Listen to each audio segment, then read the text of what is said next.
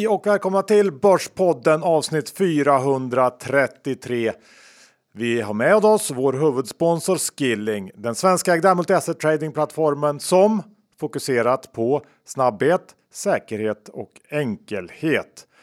Och John, det är lite svajigt där ute på världens börser just nu. Det finns mycket att oroa sig för. Vi har den stigande inflationen som man ja, kan tycka lite vad man vill om och vi har nya mutationer. Vad ska man egentligen tro om allt det här John? Ja, men det är det som är så fantastiskt med Skilling, att oavsett vilken vy du har på börsen eller vad du tror på för aktier eller råvaror så har Skilling nått Eh, för dig. Är du kanske fundamental nu och lite orolig för framtiden och vill blanka så erbjuder Skilling det. Eh, är du istället mer kanske åt det tekniska hållet som tror att eh, vi ska fortsätta uppåt, ja, då kan du göra det på Skilling. Och det är det som jag alltid har älskat med börsen, att det finns något för alla och man har enorma möjligheter. Ja, och gillar man att handla index så vet ni ju att Skilling har väldigt konkurrenskraftiga villkor för sin indexhandel och dessutom då som du sa John så finns det ju en mängd olika tillgångsklasser som man kan handla via Skilling. Så har man inte öppnat konto så är det bara att komma igång nu direkt.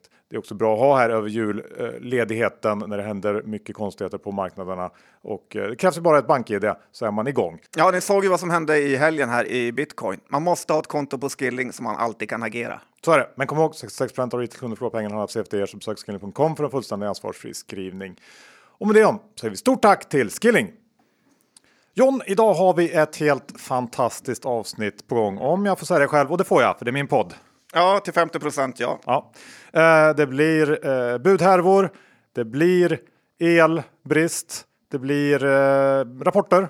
Ja, blir, det blir gambling, det blir gaming, det blir allt möjligt. Eh, jag är typ lite små spatt inför det här avsnittet Johan. Härligt. Vi är denna vecka sponsrade av Fidelity som ju är en av världens största förvaltare. Många känner ju till Fidelity genom den mytomspunne förvaltaren Peter Lynch som spenderade sin karriär hos Fidelity. Och Fidelity har ett brett urval av fonder John. Ja, men det har de faktiskt. Och eh, de har fokus på aktiv förvaltning både inom aktier och eh, räntor. Dessutom så har de ju lokal närvaro över hela världen, från Chile till Sydney. Ja, och det där gillar man ju verkligen. Att eh, ha en lokal närvaro och kunna göra research där det verkligen händer. Det tycker jag är värt mycket. Kontoret i Sverige har till exempel funnits i snart 25 år. Ja, det har du gjort och det ska vi vara stolta över. Så vad ska man göra om man är intresserad av någon av deras produkter? Då går man in på fidelity.se för att läsa mer. Vi ska också påminna om att investeringars värde och eventuella intäkter från dem kan både minska och öka. Det kan hända att du inte får tillbaka det investerade kapitalet och historisk avkastning inte en tillförlitlig indikator för framtida resultat. Våra sponsorer tar inget ansvar för det som sägs i podden och åsikter uttryckta kan redan agerats på och inte längre gälla. Det är också viktigt att läsa prospekt samt KID dokument och investeringar på tillväxtmarknader kan vara mer volatila än på andra mer utvecklade marknader. Stort tack till Fidelity International. Johan Dr. Bass eh, Isaksson index är 2340 och det händer verkligen grejer på börsen igen. Det har varit en tråkig period, men nu är det action varje dag. Ja, eh, det är skönt. Eh, vi har ju haft ändå zoomar man ut lite grann så har vi handlat i ett ganska stor range sen någonstans i somras. Men sista dagarna har börsen vänt upp ganska rejält. Jag undrar ju om det inte är så att julnisserallyt startat nu ändå. Ja, det kan det vara. Det har varit lite frågor om när det egentligen ska starta, men någon gång går ju startskottet. Ja, man vet ju aldrig. Det är det som är grejen med börsen. Och tomten. Ja, exakt. Eh, det stora orosmolnet för börsen är väl helt klart inflationen nu och rädsla för stigande räntor. Jag tycker att man ska vara lite försiktig för det. här. Jag har inga jättestarka åsikter om vart inflationen tar vägen. Jag tycker att det är för mycket brus i all data efter pandemin eh, och det ska bli intressant att se var inflationen egentligen landar någonstans i mitten av nästa år eh, när man kanske tvättat bort en del av de här märkliga effekterna som pandemin skapade. Så att jag aktar mig lite grann för att ställa mig allt för mycket i någon, någon eh, åsikt när det gäller inflationen. Eh, men det är helt klart det som de flesta är mest oroliga för. Och Eh, man kan ju konstatera att på ett område så har ju priserna verkligen stigit eh, den sista tiden. Jag tänker ju på elpriset och elbristen. Ja, faktiskt. Och eh, det är väl rätt uttjatat. Men grejen är att jag tycker det är uttjatat på fel sätt när alla bara gnäller och gnäller. Och jag tycker som vanligt att man ska göra som Charlie Munger och always invert. För så här, vi är mitt under den största omställningen någonsin från olja till fossilfritt. Och nu är det vinter och vi har haft ovanligt kallt i några dagar och eh, som i och för sig redan börjar lätta och det börjar bli varmare. Eh, ska vi bryta ihop fullständigt för det här? Ska man inte se det som att trots att vi har stängt av eh, många av våra kärnkraftverk och trots att det inte blåser och trots att alla länder runt omkring oss är i typ samma sitt som oss och all annan möjlig skit, att det då det värsta som kan hända är att vi under några få dagar får ett högt elpris. Ska vi inte klara av det? Är vi så här svaga? Och det är inte i närheten så att jag tycker det var ett bra beslut att lägga ner kärnkraftverken eller höja plastpåseskatten eller att Systembolaget inte tar pant. Men nu ligger bollen där den ligger. Och jag tycker man kan jämföra det här lite med att eh, ungefär som när man renoverar sitt kök eller badrum. Och ja, du får äta mikromat eller hämtmat i någon månad eller duscha i källaren och det kan vara jobbigt och dyrt, men sen blir det bra.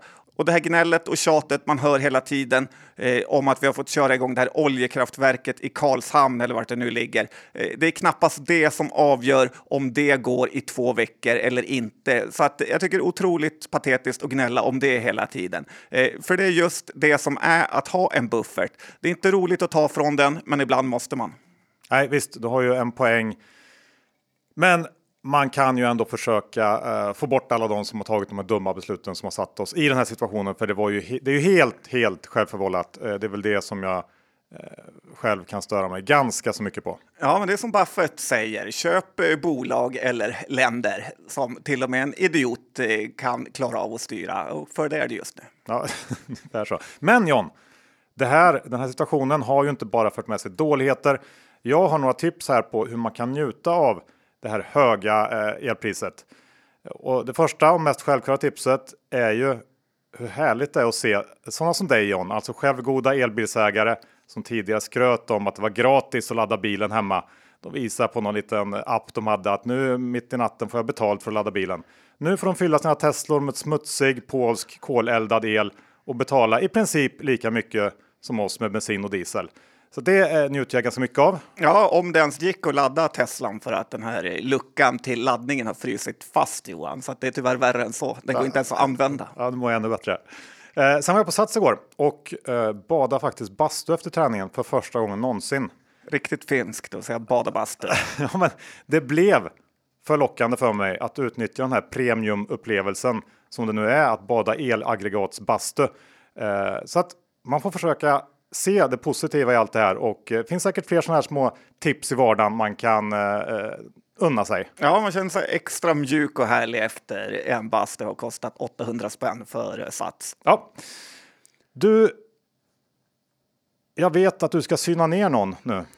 Ja, men faktiskt. En av Sveriges eh, aktiebaroner är faktiskt dags eh, att han börjar bli nedsynad. Och det är Fredrik Lundberg. Och hans ryktbarhet som investerare måste ju vara brutalt överdriven. Hans eh, förmögenhet består väl främst av att han har ärvt ett fastighetsimperium som fortsatt att gå väldigt bra. Medan alla bolag han är inblandade i underlevererar groteskt. Eh, han rattar den sämsta banken, Handelsbanken, som har kört fast i kontorsträsket och eh, alla som jobbar på Handelsbankens kontor säger också att deras system är katastrofalt dåliga och helt uråldriga i MS-DOS nivå. Hans investmentbolag Industrivärden är väl det allra sämsta investmentbolaget och jämfört med Wallenbergarnas Investor är det ju pinsamt hur dåligt eh, den aktien har gått. Och huvudstaden då är väl kanske det sämsta fastighetsbolaget eh, där SBB nu är nästan tre gånger så stora. Huvudstaden har 28 miljarder i börsvärde och SBB har eh, nästan 100 miljarder. Ilja pissade ju lite på huvudstaden när han var här i vår podd och nu börjar man ju faktiskt förstå varför. Eh, visst, det går ingen nöd på Fredrik Lundberg själv, eh, men han är verkligen inte en man som levererar aktieägarvärde till andra än sig själv. Och den här senaste utdelningen från Handelsbanken när man fick Industrivärden aktier för att han själv skulle stärka sitt grepp om den sfären visar väl att han bara tänker på sig själv. Jag tycker att du är någonting på spåren här faktiskt. Ehm, ja, jag håller med helt enkelt. Bra Johan. Ja, för det är sant. Ja, eh, sen har vi ju ehm, eh, det svenska eh, rättsväsendet, rättssäkerheten i ekobrott Eh, som man kan fundera en del på. Ja, den börjar ju bli fullständigt eh, katastrofal faktiskt. Det är nästan så att man borde införa någon typ av speciella domstolar eh, där det sitter lite folk med kunskap istället för att köra lotto hur det kommer att eh, gå. Det här allra gänget blir först friade och sen får man sex års fängelse på exakt eh, samma underlag eh, fast med nya personer som bedömer caset. Östersundsbossen Daniel Kindberg får tre års fängelse för pengafiffel och sen blir han helt eh, friad. Eh, Fortnox-mannen blir dömd för insiderbrott på en bensinmack i Växjö för att sen i hovrätten säger de att det inte ens går att bevisa att han har varit på den här macken. Alltså, våra domstolar börjar bli ett skämt och det börjar bli för mycket lotto eh, om vilka personer som bedömer ditt case och hur just deras kunskapsnivå ser ut. Eh, och eh, det kanske tråkigaste är ju att inga domar går att ta på allvar, varken friande eller fällande. Och om det är någonstans man skulle ha AI så är det inom juridiken. Mata in all fakta i en dator och sen får man ett utfall. Eh, kanske till och med att man skulle kunna få fällande domar i procent. Typ Percy Nilsson är skyldig till 65 procent. Eh, eh, lite tröttsamt Johan att behöva komma på alla bra idéer själv. Lät lite lågt där tycker jag. ja, ja, faktiskt. Jag tror att AI skulle komma fram en betydligt högre siffra där. Eh, men ja, kan ju bara hålla med dig och vi går vidare till bud för veckans storhärva. Är ju det här havererade budet på Sobi Eh, i fredags som meddelade Advent och Aurora eh, att man drar tillbaks budet. De fick bara in 87 procent och det var villkoret till 90 och det innebär att storägaren Investor inte fick igenom sin vilja att sälja och eh, i praktiken så var det ju deras egna portföljbolag Astra som sitter på 8 av, av Sobi som satte stopp för budet, vilket är, det är lite märkligt och det är pinsamt för Investor att man inte har bättre kontroll över sina bolag. Nu hamnar Sobi istället i en rätt jobbig situation. Styrelsen och huvudägaren har ju uppenbarligen velat sälja bolaget, men nu tvingas man till en omstart. Eh, vi har ju killarna på TIN Fonder som också sa nej till budet. De borde jubla nu, men jag undrar hur glada de egentligen är över det här. Man får lite sådär trade doubler flashbacks känsla när man tittar på hela den här härvan. Men å andra sidan John så kan man titta på Securitas som idag sluter cirkeln genom att köpa tillbaks Niskaya som man själva knoppade av, satte på börsen och sen ville köpa tillbaka men förlorade den budstriden eh, mot Stanley Black Decker. Eh, och nu då, tio år senare så lyckas man äntligen köpa tillbaka det här bolaget och få betala dyrt för det. Eh, och avknoppningen av Niskaya är nog ett av de större strategiska felbesluten eh, i ett stort svenskt börsbolag som någonsin har gjorts. Um, Ja, men jag håller med. Dels eh, är det ju katastrofalt ofta att eh, knappa av, knoppa av i längden. Och sen är jag lite rädd för att Sobi kommer bli ett nytt Haldex när i princip alla var beredda att lämna över. Att det kommer köras lite i botten nu eh, framöver. Jag är inte alls sugen på aktien. Det är i och för sig lite skillnad på eh, mediciner jämfört med fordon. Men ändå, det brukar inte bli bra när alla vill sälja och sen blir man snuvad på någon liten procent. Nej, någon typ av uppstartsträcka känns det oavsett som att det blir.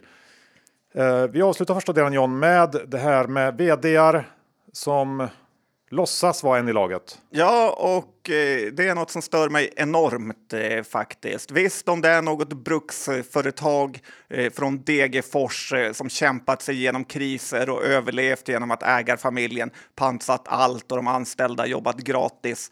Men inte som när Avanzas vd håller på och fjompar sig på Twitter eller hur Börje Ekholm håller på, eh, som han sa när han vann priset eh, för årets ledare, att Ericsson har 100 000 vdar, för alla är vd över sig själva. Och ja, det var nära att jag spydde rakt ut eh, när jag hörde det. Och visst, det låter bra, men det är bara det att ni tjänar ju typ 10 till 100 gånger mer än knegarna. Så sluta ens låtsas att ni är en i gänget. Det är så enormt genomskinligt och eh, patetiskt dessutom. Ni är inte ledare, ni är chefer tillsatta för att maximera aktieägarvärdet och hålla de anställda så nöjda att de inte slutar, men inte en krona mer. Eh, så tänk på det innan ni likar klämkäcka tweets från börs som fejkar gemenskap, eh, men inte skulle offra en endaste en av sina fördelar eller krona för att rädda någon av sina anställda. Ska man tänka på när man läser Björn Borgs vd-ord också? Han skulle kämpa Johan.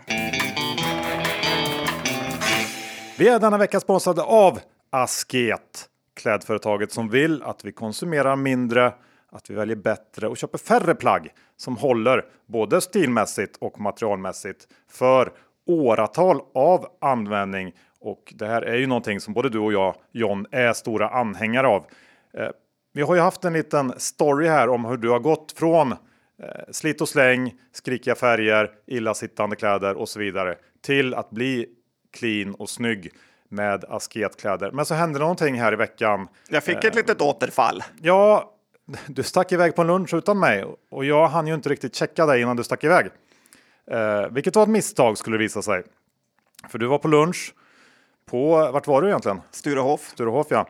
Eh, och då hade du satt på dig någonting igen. Du föll tillbaka som du sa, ett återfall.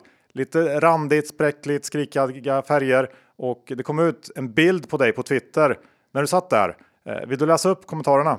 Ja, det vill jag väl egentligen inte. Så här står, skriver en, säg åt honom att rycka upp sig, ser för jävlig ut. Eh, en an, ja, tack så hemskt mycket. Eh, en annan skriver, han måste sluta gå utanför asketgarderoben. Och eh, sen är det en fråga, är, det, är den där tröjan från Asket, Johan? Så att det är bra, lyssnarna håller koll på mig och man vet ju vad de gillar. Ja, och för att svara på sista frågan där, nej, den är inte från Asket, såklart. Och om du känner igen dig i det här eller kanske har någon vän eller familjemedlem som du tycker passar in på min beskrivning av John eh, och inte riktigt har hittat någon julklapp än, då är det ju ett utmärkt förslag att gå in på Asket och köpa någonting som en start på en fräsch och ny garderob. Asket brukar vanligtvis inte ge ut några rabattkoder, men i år har de gjort ett undantag för Börspoddens lyssnare. Gå in på asket.com Borspodden. Asket är alltså asket.com Borspodden. Så skickar de med ett tvättmedel om du köper något av deras ullplagg. Vi säger stort tack till Asket! John, vi ska börja andra delen med det som jag misstänker att lyssnarna är mest spända på att få höra mig kommentera. Jag tänker på Saab såklart. Ja, det har varit en härlig följetong av eh, dig ja. och Max Mittregger. Mm. Jordfräsletar. Eh, men så här, under söndagen här så dök det upp uppgifter i finsk media om att Finlands försvar ska ha rekommenderat Lockheed Martins F35 när det gäller valet av nytt stridsflyg. Eh, det har, eh, ska sägas, ännu inte kommit några officiella bekräftelser på det här. Men eh, om vi för diskussionens skull utgår från att det stämmer så har jag ändå några synpunkter på det här. Eh, för det första så gör det mig besviken på Finland. Främst eh, för att jag ser Finland som ett land där sådana här saker inte läcker ut i pressen. Jag vill att man ska kunna waterboarda en finne 72 timmar i sträck liggandes en isvak utan att han ens säger vad hans förnamn börjar på för bokstav. Och han ska ju definitivt inte säga ett endaste ord om några stridsflygsupphandlingar i media. Eh, det är det första. Eh, hur känner du inför det? Ja, men det kan ju vara den andra sidan som har läckt med i och för sig. Det tror jag inte. De hävdar ju att det är källor i liksom, eh, ja, regeringsförsvarsställning. Eh, för det andra så är jag besviken för att jag tror faktiskt att Gripen i praktiken hade varit ett bättre val. Eh, både för Finland och Sverige och hade gärna sett ett ännu mer fördjupat samarbete mellan våra länder. Men med det sagt så var såklart F35 eh, det överlägset mest sannolika och logiska valet för Finland med tanke på NATO-kopplingar och annat. Och om vi går tillbaks till, till Gripen så tycker jag att det projektet börjar kännas lite svajigt. Den här målsättningen som man har att sälja 400-500 plan, eh, den är ganska långt bort. Det krävs att fler länder väljer Gripen och Finland var Trots att vi inte hade oddsen på vår sida, en av de mer sannolika köparna. Nästa år ska ju Kanada ta sitt beslut Eh, där har vi bara Gripen och F35 kvar i matchen, men tyvärr så är nog chanserna där ännu mindre än vad de var i Finland. Eh, Kanske... Ännu mindre än noll? Ja, jag skulle inte säga att de var noll i Finland, men några procent var de i alla fall. Det känns som att det är mest for show att ha kvar Gripen eh, i Kanada-matchen. Eh, kanske så måste man fundera lite grann på Gripens framtid. För oavsett hur bra Gripen är så är det nästan omöjligt eh, för ett litet land som Sverige att ro hem den här typen av affärer. Eh, när det finns så många andra aspekter som spelar större roll. Men så finns det heller inte särskilt mycket Gripen-framgång inprisat i aktiekursen. Eh, aktien handlas ju bara några kronor lägre efter den här Finlandsnyheten och eh, det man som Saabägare får hoppas på framöver det är att man levererar på löftet om stärkt lönsamhet, förbättrat kassaflöde. Lyckas de leverera på det, på den här orderboken som är enorm, så är aktien för billig ändå skulle jag säga.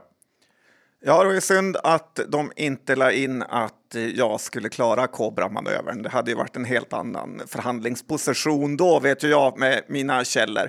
Men sen tycker jag ju verkligen att Saab borde köpas ut från börsen. Man pratar om att det, när Nordnet ska göra om sin hemsida, att det inte riktigt passar på börsen just då, för eh, det är för svajigt. Men Saab som är liksom ett av de värsta och mest komplicerade bolagen som finns, eh, finns på börsen. Investor borde köpa ut det och eh, sen kan man gå vidare. Ja, jag håller med om det. Eh, när vi ändå är inne på Saab så tänker jag att vi kan ta upp det som händer eh, inom eh, fondvärlden. Jag tänker på Gladiator. Eh, för där är ju Saab, eller Saab har varit i alla fall, ett stort innehav i Max Mittereggers Gladiatorfond. Ja, och eh, nu verkar det faktiskt som att Gladiator är på väg att lägga ner, fast de försöker mörka det, eh, vilket man kan förstå. Eh, tittar man i Holdings senaste uppdatering så märker man hur de har vräkt ut alla aktier de kan, samtidigt som de har använt hela den likviden för att köpa AstraZeneca. Eh, och anledningen till att de har lastat in alla likvider i Astra är förmodligen att de inte vill bli nedsynade, att man håller på att eh, lägga ner. För då kommer man förmodligen bli frontad eller få skambud på de här posterna man har kvar att eh, sälja. Eh, man har tappat 29 procent i oktober och man tappade ytterligare 7 procent i november, Gladiatorfonden här. Eh, det finns ingen anledning till att fortsätta den här fonden och man får lite av en känsla av tilt eh, på Max eh, Mittregger. I månadsbrevet berättar han vilka eh, bolag som har bidragit negativt till utvecklingen och det är kortningar då på av Balder och EQT, alltså de två största raketerna. Eh, och sen vet man ju sedan tidigare att han är kort OMX-index och varit lång Oncopeptides som kraschat, Caliditas som typ kraschat, Attendo och Saab som varit eh, bland börsens absolut eh, sämsta aktier. Lite lider man ju med gladiatorgänget, men börsen, det, så här är ju name of the game faktiskt. Och ja, det är en avvecklingsfas fonden är inne i nu. Ja, och det kan man också ha med sig när, vi, när man pratar om Saab att eh, det där har ju påverkat Saab. Han hade ju en, en hyfsat stor position i Saaben då och eh, verkar nu då vara ute, vilket ändå är, är positivt. Ja, faktiskt. Ja. Eh, I veckan, John, så eh, knoppades faktiskt Doro Care av från Doro. Eh, det här nya bolaget kommer att heta Carium. Första handelsdag är ganska snart, 10 december. Och Carium är då den här delen som sysslar med det som kallas välfärdsteknik. I praktiken så innebär det att man har över eh, 400 000 gamlingar uppkopplade till någon eh, av sina larmcentraler runt om i Europa. Det här är en stabil verksamhet eh, och för att spicea upp det hela lite så gör man regelbundna förvärv, vilket gör det här till en ganska intressant verksamhet. Doro tappar 32 kronor på den här avknoppningen och det indikerar runt 780 miljoner i börsvärde för Carium. Eh, vilket i sin tur innebär någonstans runt 25 gånger förra årets ebit. I år har man tappat lite på ebit-nivå. Beror dels på engångs engångskostnader eh, men också problem med högre kostnader. Och det här är någonting som bolaget sagt att eh, det ska förbättras kommande kvartal. Eh, på sikt så tycker jag att lönsamheten borde gå att få upp i och med de skalfördelar som eh, ökad storlek för med sig i den här typen av verksamhet. Och eh, jag gissar att Carium kommer att handlas eh, lite högre än de här 32 kronorna som försvann i och med avknoppningen. Och lyckas man få någon slags serieförvärvarstämpel här genom att fortsätta med bolagsköp runt om i Europa så tror jag att det här kan bli en aktie som kommer att gå riktigt bra. Så den tycker jag man ska hålla koll på. Uh, ja, jag såg Redeye hade någon typ av base case på 36 kronor. Uh, jag tror väl att den kanske kan handlas ännu högre. Det känns som ett sånt här bolag som börsen verkligen gillar just nu. Ja, jag håller med. Och kvarvarande delen då, telefon Doro, den värderas idag till ungefär samma peng eh, någonstans runt 750-760 miljoner och då har den här delen så här långt i år presterat ungefär 70 miljoner ebit. Blir väl kanske 20-30 till eh, innan året är slut. Och här ligger vi då på ensiffriga multiplar, men det är å andra sidan en krympande affär. Eh, och givet att man inte hittar på något nytt och spännande som ändrar på tillväxtutsikten här. Så Till exempel iPaden som man är lite småsugen ja, på. Ja, ja, kanske inte just det, men någonting annat. Eh, så länge man är kvar i det här eh, krympande eh, gamlingstelefonssegmentet så är det väl ungefär här värderingen ska ligga tycker jag. Ja, det är svårt att säga något, men det här är faktiskt en avknoppning som känns rätt, tycker jag. Att telefoner och larm för gamlingar hänger inte ihop. Nej, det håller jag med om. Och nu går vi över till eh, senaste veckornas stora, stora följetong. Jag tänker såklart på Evolution och det som pågår där. Nej, men det har ju varit en följetong med Evo som Eh, är ganska kul att följa med faktiskt. Och eh, här inser man ju att det svåra med aktier inte är att man måste vara bra på siffror eller vara bra på att kunna räkna, utan det absolut svåraste med aktier är ju det mentala spelet. Det har ju varit extremt spännande att eh, följa Evolutions aktiefall och ens egna tankebanor. Och jag tror nästan alla kan hålla med om det här. Hur en aktie som faller från 1700 till 1400 och sen ner till 1200 kan upplevas som väldigt billig. Eh, sen kollapsar den till 860 för att sen börja gå upp igen. Och eh, man märker på sig själv att eh, när aktien i nedgången stod i 1100 så kändes den sjukt billig, eh, som ett fynd nästan, för den fallit så hårt. Men när den gått från 860 till 960 på uppsidan så känns det helt plötsligt som att man har missat racet och att den här aktien börjar bli dyr. Trots att den egentligen fortfarande är 150 kronor billigare än när man tyckte den var jättebillig. Och det är ju ganska intressant. Och i tennis så säger man ju att 80 procent är mentalt, men ibland undrar jag om det inte är 100 procent mentalt för att eh, bli bra på aktier faktiskt. Eh, eh dyrt på 960 men billigt på 1100. Vad säger du om det? Ja, men en intressant reflektion. Jag håller ju helt, helt eh, med dig. Eh, det är ju otroligt mycket psykologi inblandat i aktiekursen i Evolution just nu. Och eh, ja. Om vi ska titta lite på caset då tycker jag också ja. är intressant. Eh, och för det går inte att undvika nu när vi har Europas mest omsatta aktie på vår börs i Evo. Och eh, det börjar väl klarna lite här och hittills verkar det inte vara så farligt utan mest faktiskt vara en blankarattack. Och sen kom den här uppdateringen i Holding som visade att folk som jobbar på Evo men inte är insynspersoner har köpt eh, massor, vilket indikerar att det går bra för dem. Eh, jag tyckte, tycker också att ryktena på stan säger att verksamheten för Evo går bra.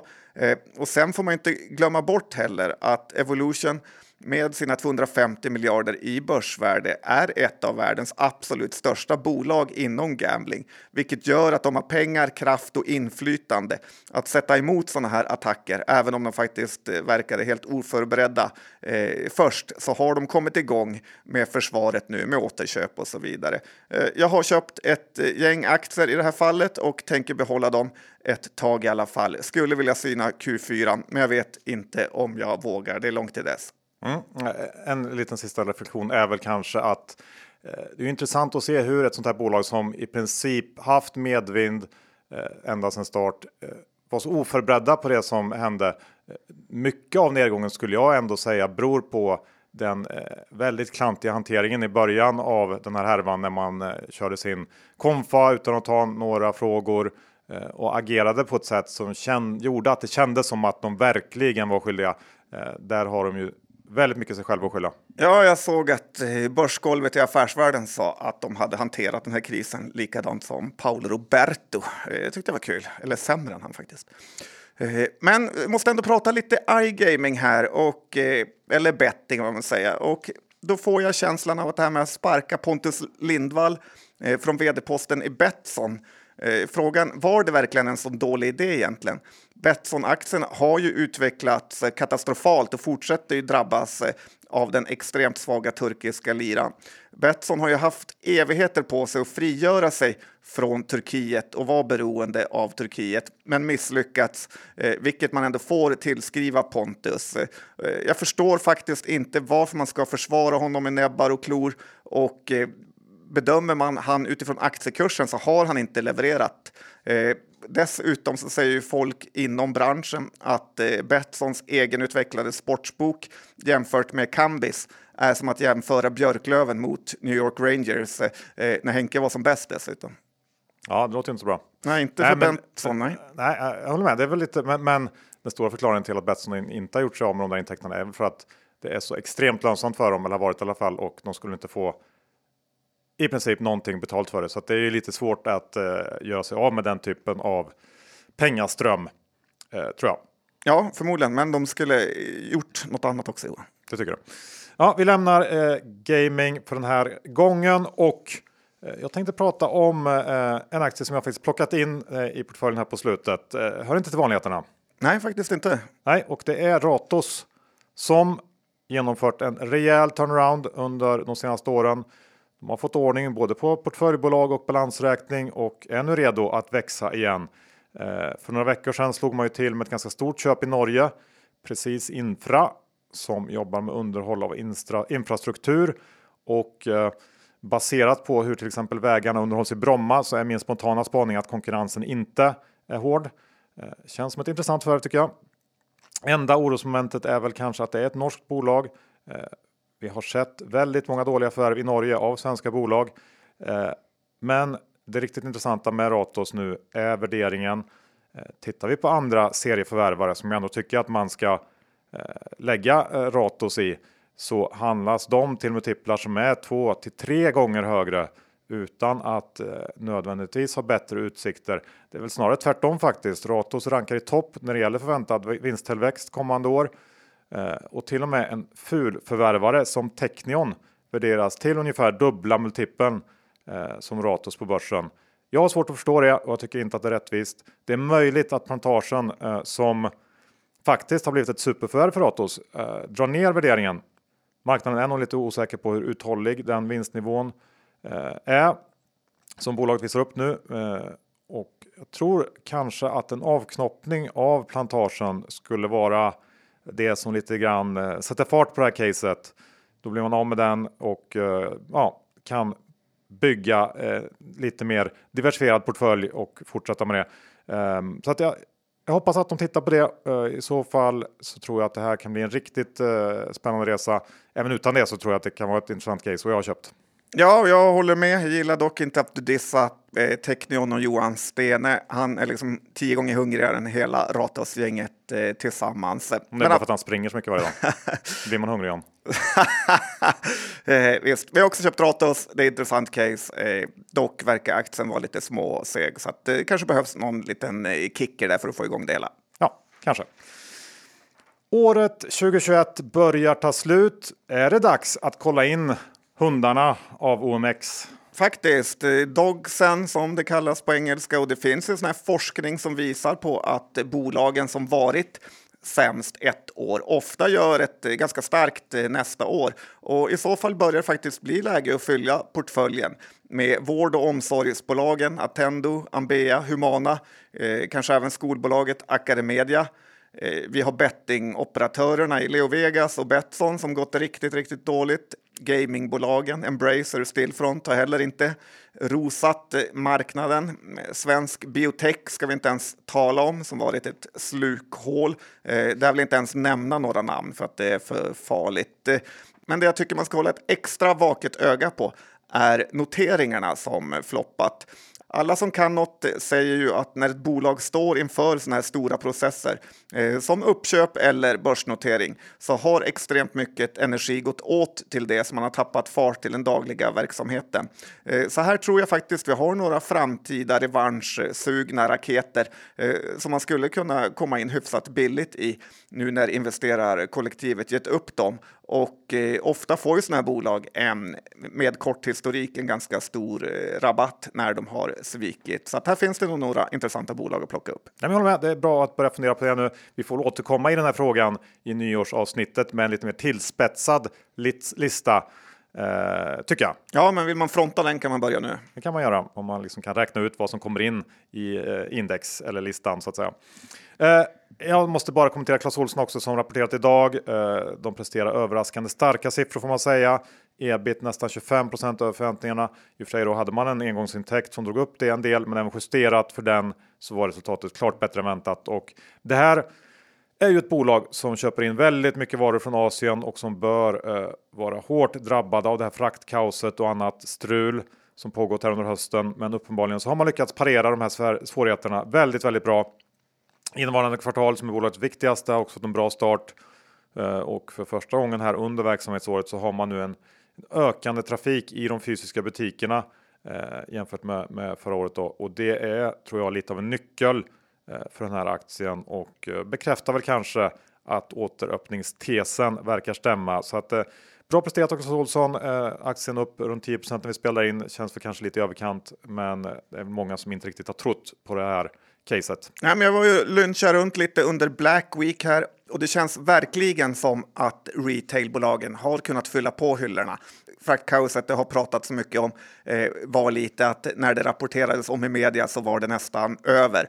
Eh, både XXL och Clas Olsson och Rust och allt vad de heter hade fullsmockat på alla hyllor, eh, vilket de inte haft eh, tidigare. Så att, eh, jag tror att de har klarat sig igenom det bra och eh, att vi har en ganska bra period framför oss för retailbolagen.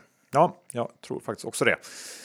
Ska vi avsluta med gamla Consilium? Ja, vi har också lite IPO Johan. Ja, just det, det har vi. För det är fullspäckat idag som vi Men sa. vad vill du ta först då? Eh, vi kan väl ta gamla Concilium som numera heter Consejo eller Consejo. Vet du förresten vad Consejo betyder på spanska? Du som har en eh, liten etta i Marbella med kokvrå. Jag, vet inte, jag, jag, tänker spontant att det är typ att man ska gömma sig eller sånt. Det betyder totalt sig. Eh, värdelös faktiskt. Nej, men det gör det inte. Det betyder råd på spanska. Konst råd? Ja. ja. Så mycket ja. kunde jag. Ja, faktiskt. Konstigt namn.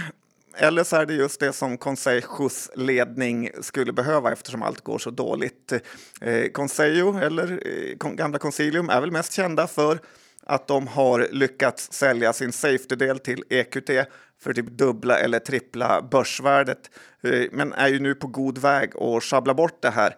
Eh, Consejo är intressant för... Vilket vi får säga varnade för när den här affären eh, ja, dök upp så att säga. Eh, risken för att de skulle ta de här pengarna och bara trolla bort dem. Ja, faktiskt. Och eh, det här bolaget är ju intressant för det är ett av få bolag som värderas under sina tillgångar. Alltså bolag alla Graham Style, Buffetts läromästare. Att eh, verksamheten i princip värderas negativt, vilket kanske inte är helt fel heller. För i senaste rapporten så dök en sån här engångspost upp på 110 miljoner kronor för nedläggning av deras entreprenadverksamhet eh, med massa, massa usla projekt i Mellanöstern. Eh, kanske något de kan sälja till Hifab eller så. Eh, men det här är en aktie som ändå är värd att hålla koll på. För kan de bara stoppa förlusterna så får man faktiskt verksamheten helt gratis. Ja, jag skulle inte betta på att det kommer hända, men visst, det kan man göra om man vill. Nej, det har inte hänt på, eh, än på några år, men någon gång kanske. Kanske ja. Eh, sen har vi då två IPOer. Frågan alla ställer sig är ju, kommer det gratis pengar från pappa idag? Ja, det kan det mycket väl göra. Det här hamnar dock inte, inte under gratispengarsegmentet utan mer eh, ändå teckna, men det är inte gratispengar-garantin, Johan eh, som man annars Nej. kan reklamera till mig. Ja. Men så här, det är två intressanta IPOer, Titania och Norva 24. Har du kollat på dem? Nej. Det är Affärsvärlden har gett de båda bolagen gul flagg, vilket är någon typ av inte teckna rek. Men jag måste ändå säga att Affärsvärlden senaste tiden har varit alldeles för fega när det gäller IPOer och dessutom haft fel på några de rekna, rekat eh, teckna på, vilket kanske gjort dem lite skotträdda.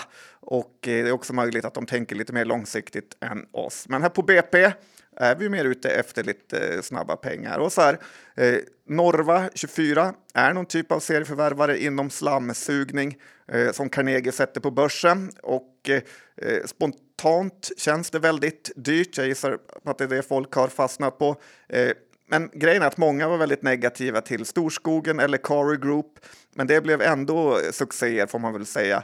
Och ett fel analytiker gör på den här typen av bolag är att man inte räknar in kommande förvärv eh, som investerarna gör. Och eh, man vet ju att de här förvärven kommer att ske eftersom det är förvärvsbolag. Eh, så att här tycker jag i Norva 24 man ändå ska ta bettet och teckna eh, dels för att man har ju det här roll-up-temat med sig just nu på börsen, men också för att den så kallade green zone, alltså det rådgivarbanken Carnegie kan storköpa aktier eh, till en början i faktiskt. Och eh, kommer ni ihåg hur det var i storskogen? så köptes det eh, extrema mängder aktier på teckningskursen för den som hade ångrat sig och ville ur. Eh, men sen eh, stack aktien. Så jag tycker nedsidan är för liten för att man inte ska våga teckna här faktiskt. Så att Norva 24 är värd att teckna. Ja, jag slutade lyssna lite efter att du beskrev att det handlar om serieförvärvare inom slamsugning. Vet du vad Affärsvärlden hade för rubrik? Nej. Serieförvärvare som suger. det var lite kul. Ja, det var kul. Mm. Det blir man inte rik på att vara spydig Johan, det har jag provat länge. men sen har vi ju Titania här som eh, ingen heller verkar tycka att man ska teckna, men det är en bostadsutvecklare då som bygger hyresrätter eh, för att sen förvalta dem själva. Har man hört den förut nu? Check. Ja, och eh, jag tycker ändå att det som är intressant här är att mannen bakom K-fastigheter eh, är storägare här och K-fastigheter har ju gått som en raket. Här är också värt att ta en stek kan jag tycka. Eh, det är bara 80% av aktierna, eller 80% av aktierna är redan kingade eh, och det brukar vara bra. Eh, samt att Catella sätter dem på börsen som ju ska vara någon typ av expert på fastigheter. Och jag tror inte de vill avsluta det här året med ett fiasko. Så att jag tycker man nog ska ta att teckna en liten stek här också. Ja, okej, okay. jag kan säga direkt att jag blir inte lockad av något av de här casen. Jag köper hellre begagnade aktier eh, i typ då Ratos till en tredjedel av priset istället för att betala jättemycket för de här slamsugarna. Ja, men då går det eh, som nej, i Saab då Johan. Du ja, måste vara lite ung och leva lite. Eller? Slut på avsnitt 433. Det var ett härligt avsnitt. De blir väl egentligen bara bättre och bättre, eller vad säger du John? Ja, det är som ett eh, vin som blir, eh, ja, blir godare. Eller som Zlatan man... säger att han är som Benjamin Button. Lite den förmågan kanske vi har. Växer baklänges. Mm. Jag blir bara kortare och kortare. Det var rätt faktiskt en på Affärsvärlden Minglet som sa oj vad lång du var. Jag trodde du var jätte, jättekort. Det, det är för att jag är på bilder med dig och eh, Capital som båda är liksom längre än eh, amerikanska basketspelare. Jag är inte så kort. Nej. Uh, vi ska tacka vår huvudsponsor Skilling som ju är svenskägd. Det är en multi-asset tradingplattform och de har fokuserat på säkerhet, snabbhet och enkelhet. Nu är det ju snart jul. Vi har sagt det här många gånger. Vi säger igen. Det händer väldigt mycket, eh, kanske också eh, utanför börsens öppettider. Då är det ju inte dumt att ha ett skillingkonto som komplement så att man kan agera. Eh, och det krävs bara ett bank-id så är man igång. Ja, ni såg vad som hände i helgen. Det händer mycket grejer. Ja. Men kom ihåg 66 av retailkunder förlorar pengarna hos CFDR så besök skilling.com för en fullständig ansvarsfri skrivning. Nu ska vi gå över till eh, vår eh, innehavsredovisning. Saab äger jag. Saab finns i den lite mytomspunna eh, semihemliga Börspodden-portföljen. Eh, där har vi också Evolution. Jag äger också Evolution privat. Um, vi har Attendo där. Ja, det har vi tyvärr. Och den har jag privat. Mm. Inte så kul för de som har det. Som Fredrik Lundberg. Jag köper först till mig själv, sen till Börspodden-portföljen. Mm. Uh, I övrigt, uh, ja, Rato såklart har jag och den finns väl också i uh, den legendariska Börspodden-portföljen. Ja, i den finns den och även i min olegendariska privata portfölj. Så det var ganska lång. Nu har vi väl täckt allt, va? Ja, det tycker jag. Mm. Bra.